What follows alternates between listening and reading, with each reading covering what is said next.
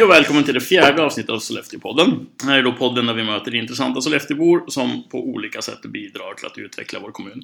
Och syftet är ju att skapa någon form av kanal där idéer, tankar och inspiration kan flöda hyggligt fritt och så ge chansen till någon att få tala till punkt. Och som vanligt har jag då min medpoddare Fredrik. Hej! Hej Fredrik! Hej! Tjena! Hej!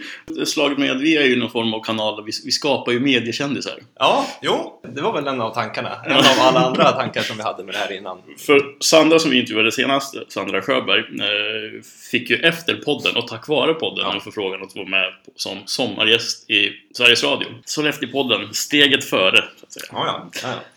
Dagens gäst, det är ju då en man med många strängar på sin lyra. Anders Lundin, också benämnd som en av Sveriges mest spretiga människor. Hej Anders! Hej! Känner du igen, känner du igen beskrivningen? Ja, det kan jag väl... eh, Ja, det gör jag verkligen. Det är nog ingen idé att inte liksom, förneka. eh, förneka det inte. Vet du var den kommer ifrån? Ja, jag kan nog tänka mig vem som har eh, yttrat det uttalandet också. Det är nog min sambo, är jag rädd. Eh, berätta lite om dig själv och varför är du spretig? Ja, spretig vet jag inte. Jag har många grenar på mitt träd om man säger så. Eh, Jag är en människa som sällan säger nej till någonting. Vare sig om det är en utmaning eller eh, någonting liknande. Så, Komma Ja. hit och ja, snacka skit med Som att komma hit till exempel. Eh, Jag sa det till dig Fredrik tidigare och jag kan säga det nu också. Att eh, jag går lite utifrån att eh, ibland så är det de dummaste idéerna som skapar de bästa minnena helt enkelt. Så är det. Och vi har ju så här inslag med fem snabba frågor. eh, Och vi har ju tagit då från en datingsajt, en självhjälpsblogg och så fem frågor man ska ställa vid en ar- arbetsintervju den senaste gången. Och de här frågorna som kommer nu, det är från en föräldrablogg. Ja, och det är, fem frågor, det är fem frågor man ska ställa till sina barn varje, varje dag. Och då är frågan ett, om du skulle ha en superkraft, vilken skulle det vara? Om jag skulle ha en superkraft? Ja du, den skulle nog vara att stanna upp tiden. För att eh, jag är ju sån enorm tid så, den räcker ju aldrig till. Så därför skulle det vara en bra sitta för min del. Mm. Den är ganska bra. Ja. Faktiskt. det var oväntat. Så här, fly, flyga osynliga sådana... Det kändes inte som en så här uppenbar. Nej. Nej. Men det är ju ofta så här också. Som till exempel nu så, eh, jag har ju en, en liten pojk hemma som eh, snart är sex månader. Och nu börjar det hända mycket. Mm, mm. Och eh, nu är det en väldigt rolig tid. Om du frågar mig, frågar min sambo så är det stundtals inte roligt, hon som är mammaledig. Men den tid som jag då får ha om honom efter jobbet och sådär, den är riktigt, Mm. riktigt kul just nu. För man blir ju som sagt som pappa då lite mer med. Jo, man börjar kunna bidra med lite... Ja, så att just det här att kunna stanna upp tiden. Andra frågan, om du skulle få välja en människa i hela världen att bli kompis med, vem skulle det vara? Det skulle nog faktiskt vara Jon Olsson, Eh, Skidåkare. skidåkaren, Mm. entreprenören. Jon Olsson. Jag tror inte att vi skulle vara så, om vi tittar på hans karriär så tror jag inte att vi skulle vara så goda vänner på skidåkartiden. Men just nu då som entreprenör och med alla sina som han håller på med. För han är likadan som jag, spretig. Ja, han verkar hoppa att, eh, på. Nej, jag tror, att det, jag tror att vi skulle ha mycket gemensamt. Mm. Och sen skulle jag också vilja ha en Rolls Royce. Ja, jag tänkte väl du har något emot att byta låna bil? Nej, nej. Eller ha någon liten flat i Monaco eller något sånt här. Det skulle jag Ja. inte ha något problem. Var skulle du vilja åka på semester? USA? Har du varit där förut eller? Nej, jag har inte det. Jag kan säga att jag har varit jättedålig på resa. Eh, nu har man varit och besökt de här, ja men Turkiet, eh, Mallorca, såna här saker. Det var väl mest när jag träffade min sambo Marika, Anna Marika som, ja men vi reste till Thailand och svängde lite så här. Och sen så fick vi, köpte vi hus och fick barn och hela den svängen då. Så det vi hoppas väl att få ta upp det igen då. Och USA är ett resmål som vi båda vill besöka. Och för henne blir det ju då igen. Hon Mm. har varit där och dansat tidigare. Så. Ja, just det. Ett litet återbesök. Mm. Flyg inte med en ettåring, det är ett tips. Det finns roligare saker. det gör det? Ja, Ja, bra. vi flög med vår när han var ett år, första barnet, till uh, Mallorca. Det är bara två och en halv, tre timmar upp i... Det värsta jag någonsin gjort. Gör inte det. Var det för din egen del eller var det för dina medpassagerare? Alltså, ja, det, det blir ju någon sorts... Alltså, det blir nog mer min egen del för man tänker på medpassageraren när han väl sätter igång. Liksom. Och på den, den tiden vill de vill inte sitta still så man går ju fram och tillbaka här planet väldigt många gånger. Ungefär lite grann som att det gör ingenting att de skriker hemma men på ICA så är det lite extra jobbigt. Ja, ja, ja. Och vad får dig att skratta? Vad får mig att skratta? Ja, det är ju flera saker. Jag är ganska lättroad utav mig. Det är sällan som jag låter mig själv skratta. Alla har vi våran löjliga sida. Mm. Och eh, tråkigt nog så tar jag fram den alldeles för sällan. om man säger så. Jag har ett Instagramkonto där jag brukar göra såna här lite inklipp ibland där jag gör några såna här filmer och det är bara dagliga saker men jag, det kan få mig att skratta. Som till exempel så hade jag, det blåste väldigt hårt eh, en dag och då så var jag på butiken, handlade det jag skulle handla, kommer hem. Hela vägen hem så hade jag i tanken att nej, jag måste ta ner flaggan när jag kommer hem. Kommer hem och ser att hela flaggstången är fullständigt pulveriserad och ligger på backen redan. Mm. Så att då var det ju kört. Så då tänkte jag så här, ska vi gråta eller ska vi skratta? Nej, vi ska skratta. Så då gjorde jag då ett klipp på det. Ja. Det är många som tycker att det där är jätteroligt och, och jag som sagt skrattar ju också för det. Vad heter du på Instagram? Om man nu vill följa dig. Jag heter Anders Lundin. Anders Lundin. Mm. Otippat artistnamn. Ja. ja, men det känns ju som... Vad ska och spana då? Eh, och vad är då det bästa godiset? Bästa godiset? Ja, jag gillar la- eller gubbgotta säger jag gubbig godispåse. Nej men alltså jag är så här hårda pastiller liksom. Salta. Världens original. Ja, men, nej, utan, Får du tugga extra, Ja, extra ja. länge. Nej, jag tycker om hårda typ lakritskarameller och Ja. sånt där. Men du är inte nere på bridgeblandningen? Nej, inte än. Inte än. Det, då blir det för mycket att välja bland.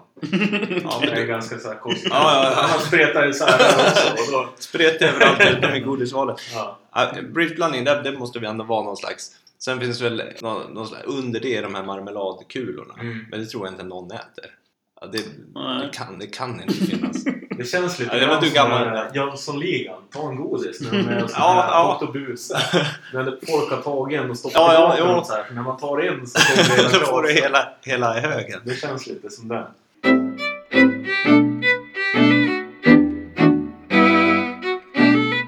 Och när det blev klart att du, du ville vara med och ställa upp på, på vårt experiment här. eh, För ni två är ju grannar så ni känner ju varandra Mm, lite ja. sådär. Men, Ja, ja. men vi har ju, jag tror inte vi har liksom har träffats. Nej. Nej.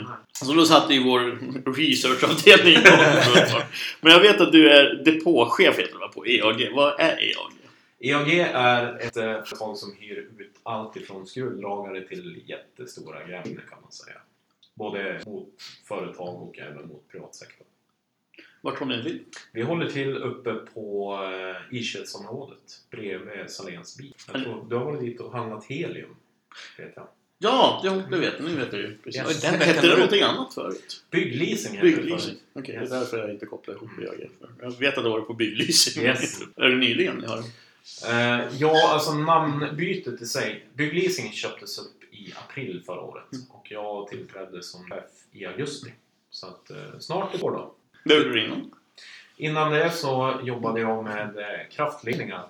Försörjde både Sverige och Norge med ström tänkte jag säga. Nej, men det, Stod och vevade ett Ja, stod och vevade, cyklade en trampcykel ut dess like. Nej, men eh, allt ifrån nymationer, underhåll och service på kraftledningar, både i Sverige och Norge. Norge var jag sex år innan jag stack tillbaka till Sverige. Så att det var både ett, eh, det var ett spännande jobb och, och roligt. Spännande elledningar.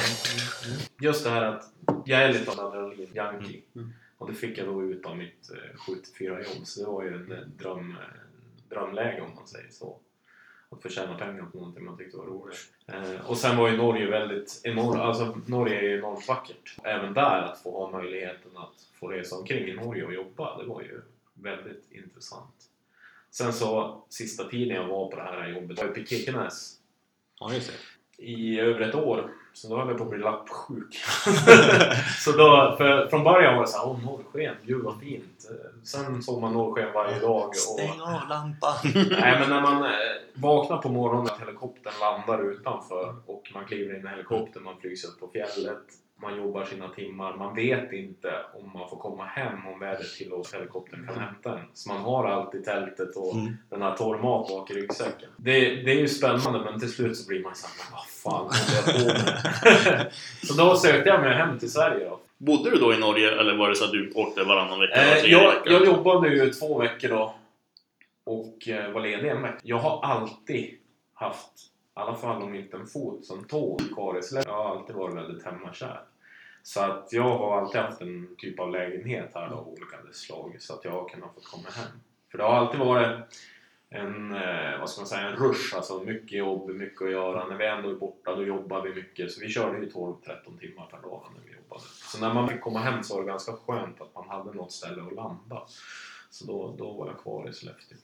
Men nu är du som hem, hemvänd på riktigt sen... Hur länge har du varit heltids Sollefteåbo?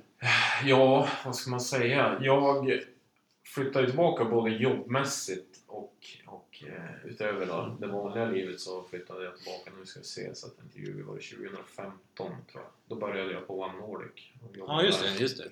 Som projektledare då. Och hela tiden, alltså om man säger från att jag sa upp mig i Norge och flyttade hem till Sverige så var ju alltid ambitionen att få komma hem. Mm. Eh, när jag började i, eh, på Stockholmsföretaget som jag jobbade åt, då var jag lovad 40 timmar i veckan och att jag skulle få åka hem över helgerna. Det slutade med att Anna Marika frågade “Kom hem på torsdag?” “Nej, jag vet inte” och så kunde jag vara borta i tre veckor. Så det var ju liksom oundvikligt att det här funkar inte. Nej. Så därigenom då eh, fick jag den här tjänsten på One och flyttade då hem. Så det var en... Eh, Men vad jag har förstått så är du också utbildad dig till deltidsbrandman. Ja, Eh, nu känner jag mig väldigt dum. Men vad är skillnaden mellan en deltidsbrandman och en heltidsbrandman? Eh, det är väl så att som deltidsbrandman, eh, jag kan göra en snabb recap. När jag flyttade och började på så var det väldigt mycket stillasittande. Och det, jag hade som ingen ro i kroppen. Jag tänkte att jag måste ha någonting som gör att jag liksom håller igång träningen och som gör att jag känner att jag rör på mig. Lite skillnad från att sova i tält på fjäll. Ja, och hänga upp en kraftledning 100 meter upp till att sätta sig framför en, en liksom dator hela tiden. Så därigenom så kände jag att jag måste ha någonting annat Mm. och sökte då till eh, räddningstjänsten för de hade då en, som de kallar en preparand för en sån här då börja jobba som deltidsbrandman. Så jag åkte dit samma där som jag sitter här utan att ha någon aning om vad har jag gett mig in på nu. Och då var det lite tester då som vi gjorde. Och eh, jag kände väl direkt att det här är någonting som är intressant för mig. Så att jag fortsatte ju då och fick en anställning. Och som svar på din fråga. Deltiden, de har ju sina ordinarie arbeten. Eh, som jag jobbar nu som, som chef där ute på EAG. Och då har jag hela tiden med mig min jobb. Så skulle det då vara så, dagtid så får jag då åka från jobbet och så får jag åka på stationen, klä mig och sen fara ut på larmet. Kvällstid så har jag en FIP-bil som det kallas, första insatsperson.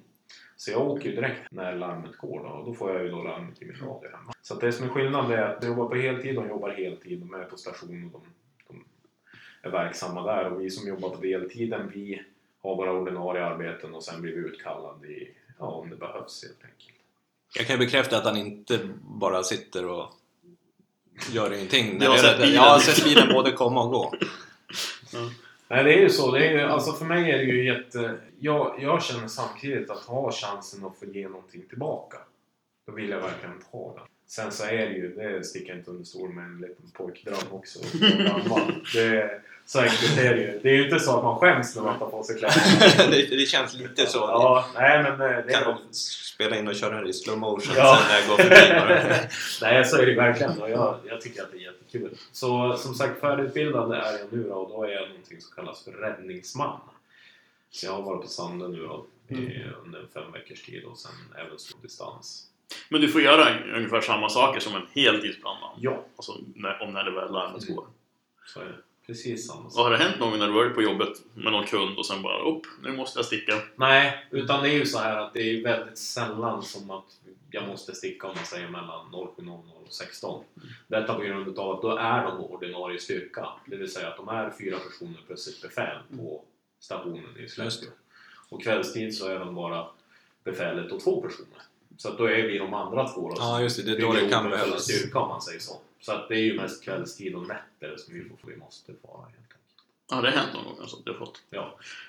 Hur, hur, hur går det hemma? Liksom, jag tänkte nu när man har ett barn, så det, Mm. det känns det okej? Nej, men då, då blir man ju, och det är väl mycket för min egen del, blir man ju placerad på soffan. Mm. Det är ju inte svårare än så. Mm. Och det är ju för att jag vill ju inte väcka dem Nej. helt enkelt. När de väl har somnat då... då Jag går ju fram som en ångvält när jag väl kommer och sen när larmet går då är det ju liksom där det bara forcera och klä på sig och ut. Så det är inte mycket att tänka på. Och det var på Sandra man utbildade sig till det? Ja.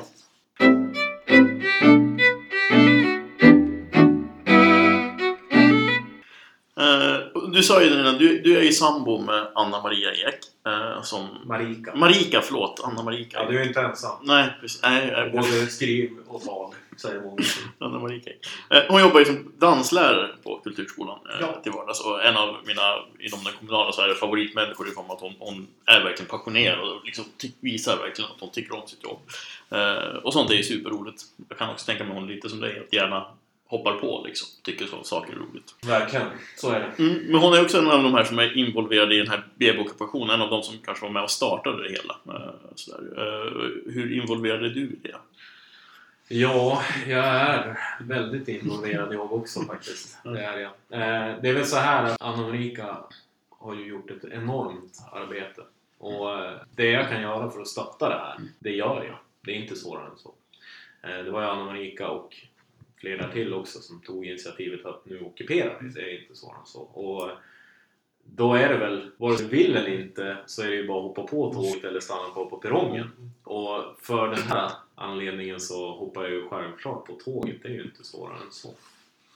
Eh, Jag kommer ihåg, vi vart ju intervjuade av eh, Mittnytt just när det gällde det här. Och det är ju så här att en, en graviditet och en förlossning ska ju vara något vackert som det bara kan. För det är det för oss som har fått barn. Mm. Alltså det är ju, det är ju den känslan att få se sitt barn första gången, det är ju liksom... Det, det finns ju inte. Du kan inte sätta ett pris på det. Du kan inte göra, det är så vackert så det finns inte. Eh, och att man då ska, alltså, måste tänka på väglag och Mm. årstid och biltäckning och sånt här. Det är så jävla befängt så det finns inte.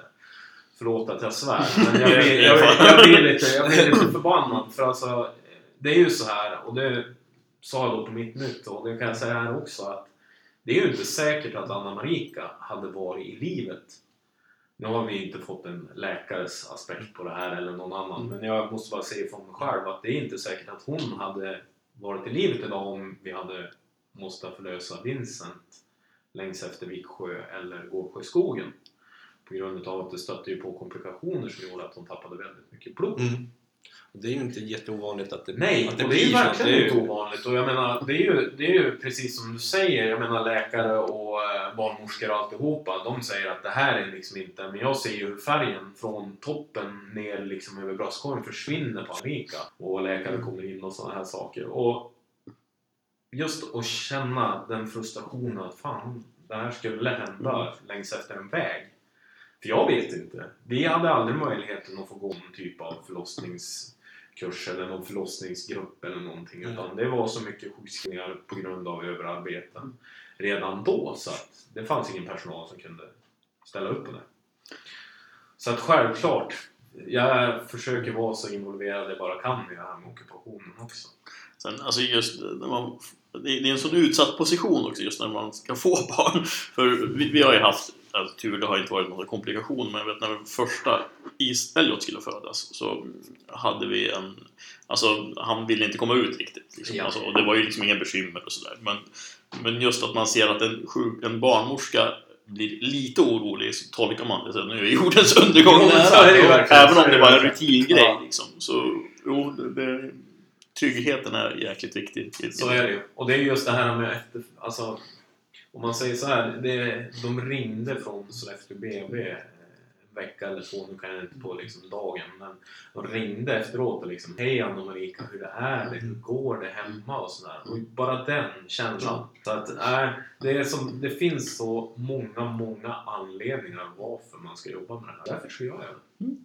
För Det, det där stället har också blivit Alltså det har blivit en samlingsplats. Jag- tror om man nu var en landstingsledning som trodde att folk kommer vara ledsna liksom, efter en vecka eller två. Liksom, när man har suttit där Ja. så börjar det bli svårt att Ja, hitta ja. nya människor. De tröttnar De snart. tröttnar, för jag hörde ju exempel att någon av dem till hade sagt att ja, men de får väl sitta där tills de tröttnar. Men jag tror att man kanske inte hade räknat med att det där skulle bli någon form av alltså, samlingsplats. Alltså det hålls ju det finns en kör, det hålls babyrytmik, eh, alltså ja, folk dans åker dit och fikar och bara umgås. Alltså, det har ju blivit någon form av En ständig leverans av, av liksom bakverk. bakverk, och, mat. Ja, vi, på 100 dagars så sa vi det också att nu ska vi göra någonting för det vi kämpar för, barnen.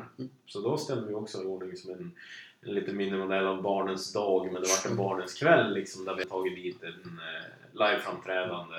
Och eh, jag hade kan jag ta tillfälle att tacka Ulf Schön här. Ja. Som, eh, han och jag då hade en överenskommelse så vi fick ju låna deras hoppborg och så Ja, just det. Ja. Så det är ju, det, det händer mycket och precis som du säger, det är ju en samlingsplats och det är ju jättemånga som tycker att det är rent ut sagt trevligt att gå dit och sitta och ockupera nu för att de har lärt känna nya människor Ja, ja. och det är lite grann sådär så att, nej, det är jättebra. Och det visar ju hur lite egentligen det krävs för att skapa en sån liksom, Ja. samlingsplats. Att Ja. människor bara ja, kommer dit av sig själv. Det är ju liksom ingen, inget tvång. Sådär. Nej, det behöver inte vara någon, något väldigt mycket arrangerat runt Nej. omkring utan här, här kan man sitta och, så träffar man lite nya och så träffar man några man kände sig förut och så när det... Det är en kaffemaskin och så får man på sig västar. Liksom. Ja, Ja. det är spännande. Det har ju verkligen inte blivit så att folk har tröttnat och det känns Nej. inte som att Det är på väg att tröttna heller. att tröttna heller så det är nog några som har felbedömt lite det där att ja, ja. Ja. Men eh, de får gärna uttala sig för att det är ju liksom just det här, det, är ju lite, ger ju lite mer bränsle till elden känns det som hos många också. Så att de får gärna, de får gärna säga sådana där saker. Mm. Eh, och du, du sa ju just att du är ju en ganska nybliven pappa. Hur är det? Det är helt underbart, är det. Eh, Det är underbart och samtidigt så är det ju liksom panik många gånger. Nej, men jag, jag ska inte sticka under stolen med att det är väldigt panikslaget som pappa ibland alltså. Och det är just det här, många gånger är det ju det här att jag sitter ju inte inne på käket heller. Så att, eh, Nej, man kan det inte gör ju att man är tvåa ständigt liksom. Så att, eh, nej. Eh, sen är ju allting... Nu är ju jag en karl så man läser inte instruktionsbok. Men här önskar jag att det fanns en instruktionsbok som man bara kunde säga Ja men nu, nu gråter han på det här sättet. Sida 46 bara så här. För, för eh, allting är ju nytt. Och det finns inte ens en pil som säger denna sida upp. Nej. Så du har ju verkligen Så är det ingen... ju verkligen. Och det är ju, nej, så man försöker göra sitt bästa. Och där är ju också en sån här sak som vi pratade om tidigare. Att skratta och ta fram sin lilla löjlighet. Det är ju någonting man, man får göra och som man kan göra där. På ett helt annat sätt. Så på så sätt är det ju också helt underbart. Det blir bara mer. Mm. Det blir bara löjligare. Tror jag att det kommer finnas någon gräns när, det när man blivit tillräckligt gamla så när, när man blir pinsam. Men det gäller ju att surfa på vågen och Ja. vara cool Ja. under någon slags begränsad, Ja. ytterst begränsad tid. Ja. Och göra det mesta då. Ja. Eh, För, jag vet, när vi fick av första sonen så jag, jag läste jävligt mycket böcker. Nackdelen med det är att man blir jävligt överanalyserad av allting. Ja. Vilket inte heller var så uppskattat av Karin när man sa men det där läste jag. det beror nog på det här. Det står i en bok, Ja. vet du, det där ska du inte oroa dig för. Det, Precis. Nej, det var ju mer att det där skulle du oroa dig Ja. för. ja, Det var ju sällan man var lugnande.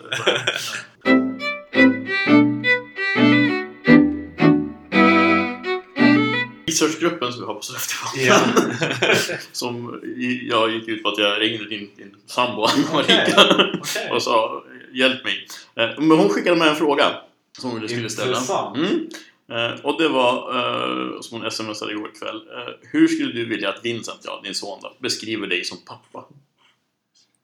Hur jag skulle vilja att Mm. han beskriver mig som... Jag tyckte det var en superbra fråga. Ja, det skulle ju varit med bland de där, vad ska du fråga dina barn? Det kanske är relevantare. Ja. Ja men den där första inledande fem frågorna. Ja, just det. Det här ska du ställa, frågorna ska du ställa ditt barn. Men det här, jag tyckte den här frågan var så bra. Så. Ja, ja, ja, ja. Den är, det, det är en bra fråga.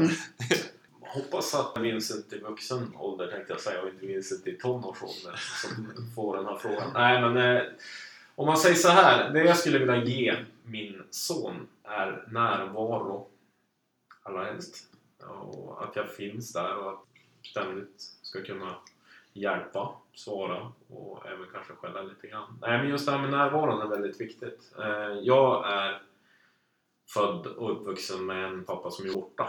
Eh, Vi är tre söner. Mamma slet som ett djur, skjutsade alla på, det var både skidträningar och hockeyträningar och alltihopa. Och jag har ett väldigt stort motorintresse alltihopa. Och det önskar jag många gånger att man hade fått dela mer med sin Mm. far. Liksom.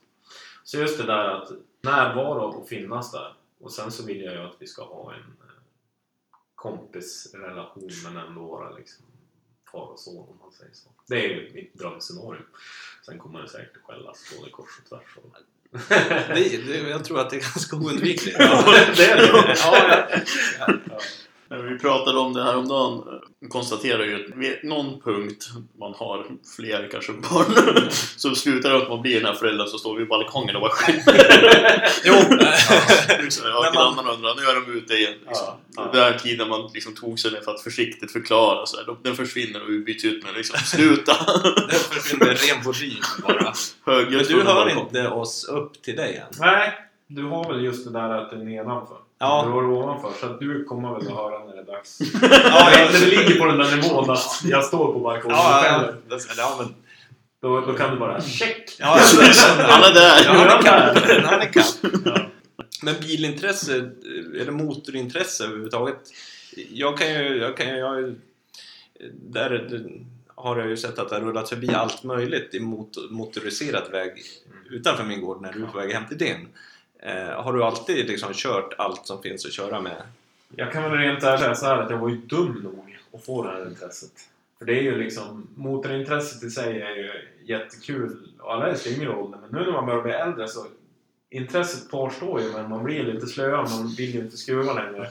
Men från början, det är så många gånger man funderar bara varför tyckte jag inte att badminton eller schack eller någonting sånt här som jag kunde slippa vara skitig och skruva i två timmar för att köra 15 minuter och sen gick den i bitar igen och sen var det bara att skruva igen. Men som sagt, bilintresse har väl alltid funnits och, och allt i regel. Just det som låter är roligt. Det har varit lite grann så. Ja, det verkar som att du kan, du kan vad heter det, framföra tunga fordon av vilken typ som helst. Jag, jag grävde ju, eller hela våran gata, gata var tvungen att gräva för fiber och jag började en fredagkväll och tänkte det här går ju snabbt. Jag tror det tog mig 14 timmar att gräva och hugga mig genom rötterna. Då har Ludde gjort sin egen och jag vet inte hur många grannars med en liten minigrävare som Ja, det var två grannar till också. på ett par timmar medan jag fortfarande inte kan räta ut händerna. Liksom. Nej, så det, det har alltid funnits där och än en gång så önskar jag ju... Ja, nu har jag ju liksom stilla mig lite grann. Då har jag ju min gamla amerikanare som jag brukar åka omkring när, när både väder och andra saker vill. Så att det, att det går bra att göra det. då. Så det är min... Vad ska man säga? Det är för de som fjällvandrar så är det deras fjälltopp kan finna sin ro. Alltså att få fara iväg för mig och åka en sväng i min gamla amerikanare, hur konstigt det låter, det är för mig verkligen det ställe där jag bara kan släppa alltihopa och bara vara. Ända tills det ramlar ut någon Ja, mutter och så är det bara... Ja, du pratade om Anna Marika sa han skruvar medan han åker. Ja, så, så är det. Så är det verkligen. Men vet du vart motorintresset kommer ifrån? För du sa att det var ingenting som du gjorde med pappa sådär. Men var det Nej. någon annan i släkten som... Alltså det är väl så här att eh, min far han var väl mest förbannad för att man tjuvade verktyg och glömde dem ute så de rostade ihop. Så att eh, det var väl närmast motorintresset det kom. Men som sagt, jag är ju, jag är ju uppväxt då, mycket på grund av att pappa jobbade borta. Så jag är uppväxt mycket med mina bröder som tog, sig, eller tog mig under sina vingar. Och de har ju samma intresse. Så det är ju, det är ju därifrån det kommer helt enkelt. Mm. Så då var det ju att vi skruvade lite grann ihop sådär. Och sen så vart det ju, det vart ofrånkomligt. Det var ju samma där. När jag växte upp och var 15, då var det ingen som här, grattis, nu får du en mopedbil för 140 000. Utan här var det liksom så här, ska du ha en moped då får du jobba för en moped och när du har jobbat för en moped så kan du ju köpa en. Så det fick man ju göra och sen så var man ju lite slö så man jobbar ju inte så fasligt heller så att det vart ju den sämsta moped man kunde hitta. Så då var det ju ofrånkomligt, då var det ju bara att skruva. Så att eh, det är lite grann så det har varit. Ibland, du sa att du ibland önskar att du hade ett intresse som var inte motorer, något som inte går sönder. Men ibland önskar man själv att man kanske skulle ha haft någon slags motorintresse. Att eh, på sin höjd kan tanka en bil. Alltså det, Ja. eh, Och ibland hade det varit bra just det där med att man kanske förstår hur gräsklipparen Mm. fungerar. Ja. Den, den, den, den startar inte när jag drar i det här snöret. Min lösning är att vi köper en ny. men det kanske... Ja men den lösningen är nog fan inte så dålig egentligen alltså. För den, den befriar ju en från en jäkelska massa huvudvärk och funderingar och spekuleringar och till slut så står du ju där med tusen grejer och bara så här. Jaha. Men, eh? Samtidigt så när du väl har satt ihop den här saken då så är du ju tillbaka där. Då kan du ju dra en Air 5 med dig själv liksom. Då har du ju lyckats. Ja, Jo, men just det där att, faktiskt kunna bara fixa basic saker. Så det hade varit... Jag är mer inne för att jag skruvar isär, tycker det är ganska roligt att skruva isär. Men så inser jag att jag sällan vet vad jag håller på med och så har jag oftast förstört, jag vet inte hur mycket hushållsgrejer jag förstört bara för att jag tycker att det här kan jag fixa själv. Varför skulle inte du fixa en köksfläkt? Det har jag hört talas om. Köksfläkten så här, slutade jag fick köpa en ny för jag Väldigt pinsamt att berätta, skruvade muttern åt helt fel håll så det gick inte. Den satt fast som att det var inte sten. Vi har, Ja. vi har en, en, eh, så, en eh, helt oväntad eh, som vi inte använt i de tidigare men som vi har sagt hela tiden. Vi Mm. borde lägga till den här frågan. Nämligen, eh, har du något Ja. smultronställe i Sollefteå som du skulle vilja dela med dig av? Ja, det har jag. Yes! Vilken tur att vi ställde den frågan då. Men den, kanske, den kanske är för, för många också ganska officiell om man säger så. Ja, men det spelar ingen eh, jag var dit igår faktiskt. En sån här, hit ska vi åka och här ska vi vara i 10-15 minuter och bara liksom. Och det är Hustadklippen. Ah, ja. Den är ju väldigt enkel att ta sig dit. Och är ju ett väldigt fint ställe tycker jag. Där man kan få andas och se ut över våran fina Sollefteå. Det är ju ett jättefint ställe. Har du varit Nej, på... Maja har- inte varit på Uppsaklippen så då kan vi så här, radiomässigt få en anledning att berätta hur man tar sig dit. Mm. Ytterst kort, men... Det man kan göra det är ju det att du kan ju längs efter Hals, alltså vägen upp till Hallstaberget så finns det en avstickare där på vänster som Mm. du kan traska upp. Eller så kan du gå också från Hallstaberget om man säger så. Då kan man ju föra en skoterled. Har du något annat tips? Nej, nej, men jag skulle nog säga det om man inte vill gå upp... Alltså, det händer ju att man inte vill gå upp för hela Hallstaberget. Eh, då kan man parkera uppe på den här utsiktsplatsen Ja. framför själva, ja men vid hopptornet Mm. och, det, och så gå ner för eh, backen Mm. till första riktiga kurvan Ja. För då kan du gå höger Mm. upp en stig efter en... Ja, inget ögonmått. Jag säger att det är 100 meter. Ja, jag säger nog 200. Ja, jag, jag, jag, jag tycker Jag det känns mer som en person- ja, ja, men det skulle jag också. Jag, jag, jag gör ni väldigt mycket frågor som har med eh, mått Mått, och ja. eh, ja, allt annat som gräva fiber och sånt där. Nej, men det, och som sagt, där finns ju nu ett sittplats med ett vindskydd Mm. som vi vill ha kvar. Mm. Ja, Eh, jag såg att det var några som hade varit där och kluddat och donat och grejat lite grann nu. Men eh, man får ta det för vad det är. Jag tycker det är jättevackert där uppe. Ja det, jag det, mycket där i min ungdom också. Jag är född och uppvuxen på Prästgårdsområdet. Så där har alltid varit en, en guldklimp i mina ögon att få ta sig dit. Sen om det har varit på skidor eller på snöskoter eller som det var igår på fyrhjuling så är det jättefint där uppe. Så det kan jag rekommendera.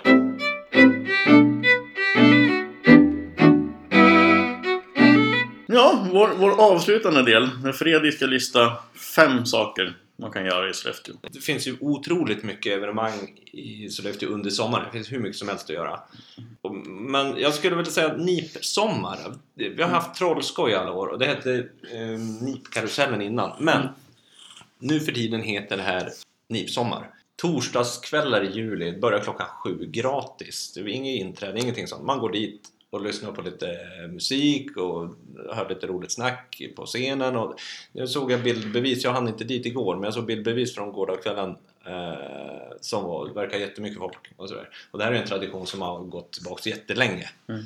Eh, och ganska unik tror jag. Ja, jag kommer ihåg själv när jag stod på scenen. Så pass alltså! Vi har en NIP, eh, eller var det NIP-karusellen? det, vad var det han, Henning Lundström Ja, hette. ja. Jag tänkte säga Amos Persson, men det Ja, var ja, karaktär ja. han hade där. Där stod man och sjöng Vem kan segla förutan vinden? Åh, det var ju är melankolisk. godisgossarna Ja, man var ute efter. ja, ja det, det vad som helst för lite lak, hårda lakritskarameller. Så eh, ja, jag ber om ursäkt. Ja, just, jo, jag, NIP-karusell, jag var alltid så, det var ju, man var ju där när man var liten, men jag alltid, fortfarande lite besviken över att det fanns inga karuseller. Karusellen. Jag, har- jag har inte kommit över det än. Men förutom det så är det ett jättebra evenemang. Bara drälla ner och, och hänga lite. Det är mycket bra. Eh, sen tycker jag att man ska dra ut och äta ute i vår, i vår kommun. Eh, det finns jättemycket bra restauranger inne i Sollefteå stad, men åk en bit. Eh, Cornerhouse uppe i Junsele har suverän mat. Eh, vi jag käkade en, en rejäl köttbit, och snackar vi riktigt rejäl, men en hemkokad barbecuesås som var fantastisk. Eh, sen så kan man, om man nu kanske man inte gör allt på samma för då blir man väldigt mätt, men så tycker jag också man kan åka till Hotell Nämforsen i Näsåker. Där var jag igår och käkade en högrevsburgare som också var väldigt bra. som också hade en väldigt bra barbecue-sås som drog mer åt det rökiga hållet medan Corners hade en, en lite syrlig touch. Ja, det var bra i vilket fall. Båda är bra. Myregården. Myregården i Resele. Eh, Nu kör de igång sina grillbuffékvällar på helgerna. Det här är inte public service så jag får säga det här utan att ni måste säga Ja. det. Det finns också massa andra bra restauranger. Sen kan man ju om man, när man är mätt och belåten eh, hugga in på lite kultur sådär. Alltså, det kommer, om det regnar, vi har ett museum. Eh, vi har eh, Orrenhuset som öppnar med en eh, utställning för Sollefteå 100 år. Som är lite interaktiv, man kan vara delaktig och så.